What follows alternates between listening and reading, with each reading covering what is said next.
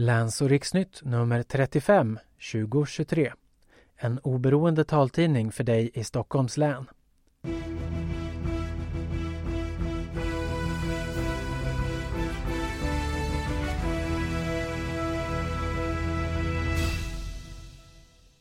Hej! Välkommen till veckans nummer säger jag som heter Henrik Jansson.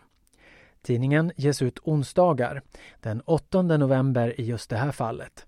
Som vanligt tar posten någon dag på sig att leverera CD-skivor. Men lyssnar du i appen LOR Play eller på webben lansochriksnytt.se så får du innehållet samma dag. Inslag 1. Idag avgörs ledarhundsverksamhetens framtid i riksdagen.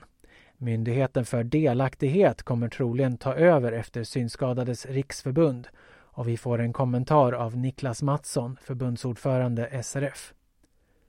Inslag 2. Apropå ledarhundar. Att inte få komma in på restauranger och butiker är något som händer titt som tätt för personer med ledar eller assistanshund. Ofta har butiksägare dålig kunskap om vilka rättigheter som personer med funktionsnedsättning har. Nu har Diskrimineringsombudsmannen, DO, tagit fram informationsmaterial i samarbete med bland annat Sveriges ledarhundsförare. Inslag 3. Telegram.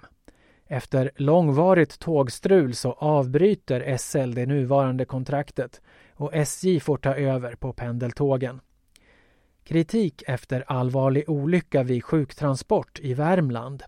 Och så berättar vi hur skisserna av renässansmänniskan Michelangelo ser ut. Nu öppnar hans hemliga rum i Florens för allmänheten. Inslag 4. Vi hör hur det är att vara ung i Nepal och ha en synnedsättning i ett land med knappa resurser. Organisationen US bjöd hit sin systerorganisation Bayan och vi träffar dem för ett samtal. Inslag 5. Den tillfälliga konsten på flera tunnelbanestationer har bytts ut igen under temat konstväxlingar som görs varje år. Nu tittar vi närmare på verk av Marie-Louise Ekman som ställer ut på perrongen i Zinkensdamm.